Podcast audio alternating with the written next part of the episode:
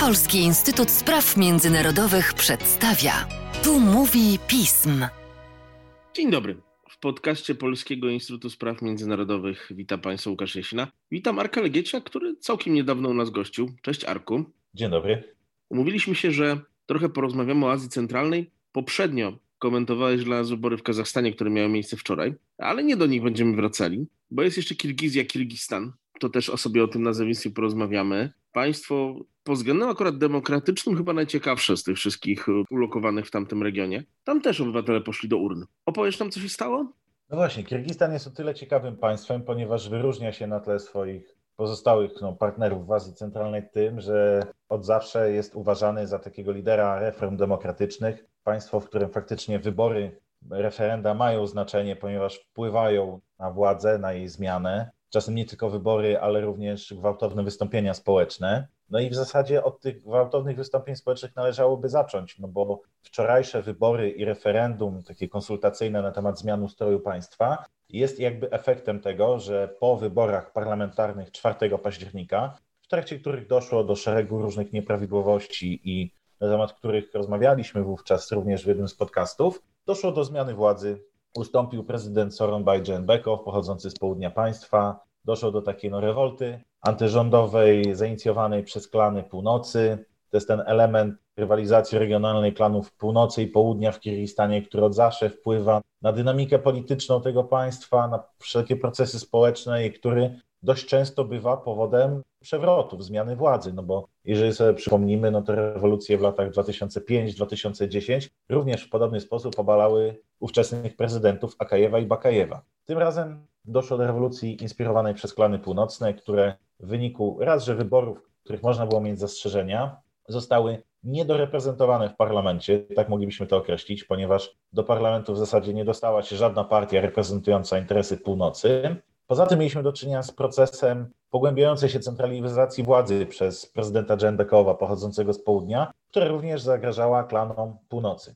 Doszło do obalenia tamtych rządów, doszło do dość sporego zamieszania w państwie, które wyklarowało jednego lidera, Sadyra Dżaparowa, który tymczasowo przejął funkcję tymczasowego prezydenta, tymczasowego premiera, no w zasadzie skupił w swoich rękach całość władzy w państwie, aczkolwiek szybko ustąpił, przekazując tę władzę swoim protegowanym, których no de facto kontroluje, ale przekazał tę władzę tylko po to, aby móc wziąć osobiście udział właśnie we wczorajszych wyborach, ponieważ obowiązująca konstytucja Kirgistanu zabrania urzędującemu prezydentowi brać udział w wyborach, więc żeby wziąć udział w kampanii, przeprowadzić ją i wygrać wybory, musiał się zrzec tego urzędu. No i tak się stało.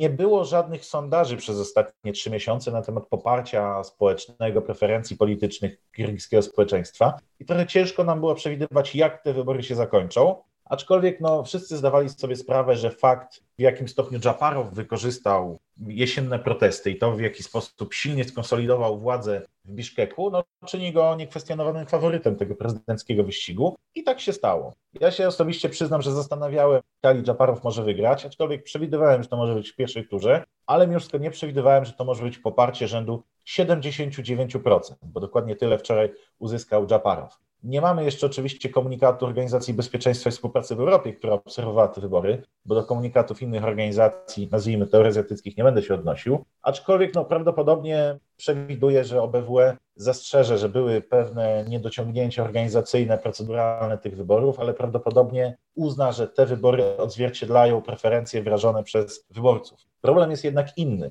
frekwencja w tych wyborach wyniosła prawdopodobnie około 306-307%. No to nam pokazuje, że co trzeci Kirgiz poszedł do urn i to nam pokazuje, że to duże poparcie Dżaparowa bierze się prawdopodobnie z tego, że jego zwolennicy poszli na wybory, ale ludzie, którzy mu nie sprzyjają, którzy go nie chcieli popierać, na te wybory nie poszli. Co jest istotne, te wybory były połączone również z referendum. Referendum, które nie jest prawnie wiążące, jest takim referendum konsultacyjnym, mającym wyrazić wolę społeczeństwa, które dotyczy proponowanych przez Dżaparowa zmian ustroju Kirgistanu, które były no, integralną częścią jego programu wyborczego.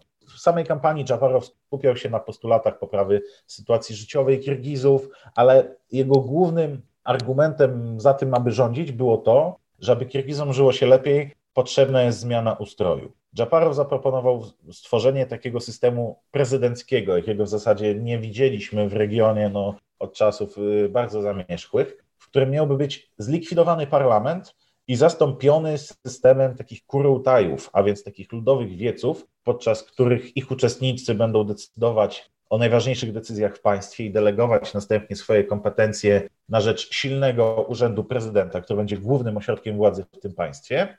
Problem w tym, że no, dotychczas nie są sprecyzowane kompetencje ani zakres decyzyjny tych kurultajów. Z całą pewnością będą to kompetencje rozmyte i z całą pewnością jest to ustrój, który no, będzie takim dość dużym eksperymentem prawno-ustrojowym i który daje dużą szansę na jeszcze większe zagarnięcie, jeszcze większej władzy przez Dżaparowa, co rodzi zagrożenie, że ten Kirgistan, to czego zaczęliśmy, że Kirgistan, będący liderem reform demokratycznych w Azji Centralnej, no nagle może przestać być tym liderem, bo istnieje bardzo poważne zagrożenie, że propozycje Dżaparowa będą sprzyjały tworzeniu się takiego autorytarnego systemu w Kirgistanie na wzór innych państw regionu. Arku, na zakończenie takie bardzo szybkie pytanie. Jak dużą trwałość dajesz tej nowej władzy? Bo pamiętam, że jednak w Kirgistanie społeczeństwo, kiedy takie rzeczy, o których mówiłeś przed chwilą, te, kiedy pojawiały się te ciągoty autorytarne, potrafiło demokrację bezpośrednio wprowadzić, to znaczy jednak doprowadzić do zmiany autentycznego takiego przywódcy. Jak widzisz tą sytuację teraz? Faktycznie kirgiski system polityczny jest systemem dość specyficznym, co powoduje szereg nieporozumień w odbiorze wydarzeń w Kirgistanie w innych krajach, szczególnie na zachodzie, ponieważ kiedy patrzymy na te rewolucje dziejące się w Biszkeku raz na parę lat, no to myślimy sobie, ale to jest niedemokratyczny kraj, ale też wszystko jest niebezpieczne. I oczywiście te rewolucje mają w sobie coś niebezpiecznego, wiążą się z przemocą, jednakże mają w sobie jednak pewien, pewien element samoregulacji systemu. Kirgijskie społeczeństwo w momencie, kiedy obserwuje jakieś autorytarne zapędy swojej władzy, kiedy dostrzega zbyt większą centralizację albo kiedy czuje, że równoważenie wpływów południa i północy, które jest kluczowe dla kirgijskiej polityki, nie działa zbyt dobrze, no to wówczas Kirgizowie wychodzą na ulicę i obalają władzę, która przestaje pełnić swoją funkcję. I oczywiście takie samo zagrożenie grozi Dżaparowowi. Grozi mu tym bardziej, że jak już powiedzieliśmy, jego mandat społeczny do rządzenia, no to jest mandat pochodzący od jednej trzeciej obywateli. Najniższa frekwencja była na południu, a więc tam, gdzie Dżaparow poparcie ma najmniejsze. To rodzi zagrożenie, że ludzie faktycznie za jakiś czas mogą się zbuntować również przeciwko Dżaparowowi, a czasy nie są łatwe. Kirgistan ma szereg problemów i społecznych, i przede wszystkim gospodarczych, będących efektem COVID. Ale jest jeszcze inne zagrożenie o takim charakterze międzynarodowym. Wizerunek Kirgistanu jako lidera demokracji to była podstawa jego dobrych relacji z Unią Europejską, z USA, i teraz ta podstawa może zostać zagrożona. Oczywiście, żeby tak się stało, Dżaparow będzie musiał jeszcze wygrać wybory parlamentarne, które odbędą się w pierwszej połowie tego roku, aby poprzez parlament już w sposób prawnie wiążący zmienić konstytucję i zmienić ustrój. Jeżeli tak się jednak stanie, no może to wpłynąć na pogorszenie relacji z Zachodem, co będzie czynnikiem sprzyjającym Rosji i Chinom, które od lat zdominowują coraz bardziej Kirgistan zarówno w aspekcie polityki zagranicznej, jak i wewnętrznej. Jeżeli Kirgistan sam pozbawi się pewnego pola manewru, które i tak jest minimalne, ale jednak jest, no to to będzie czynnik jeszcze bardziej pogłębiający to uzależnienie Kirgistanu od największych mocarstw w regionie, od Rosji i Chin, co z całą pewnością no, rodzi szereg ryzyk i wewnętrznych, i zewnętrznych dla tego państwa i dla samego Dżaparowa. O czym być może opowiemy w kolejnych podcastach. Arku, dzięki Ci za dziś. Ja myślę, że już całkiem niedługo kolejny nasz podcast o Azji Centralnej. Dzięki. Dzięki Łukaszu.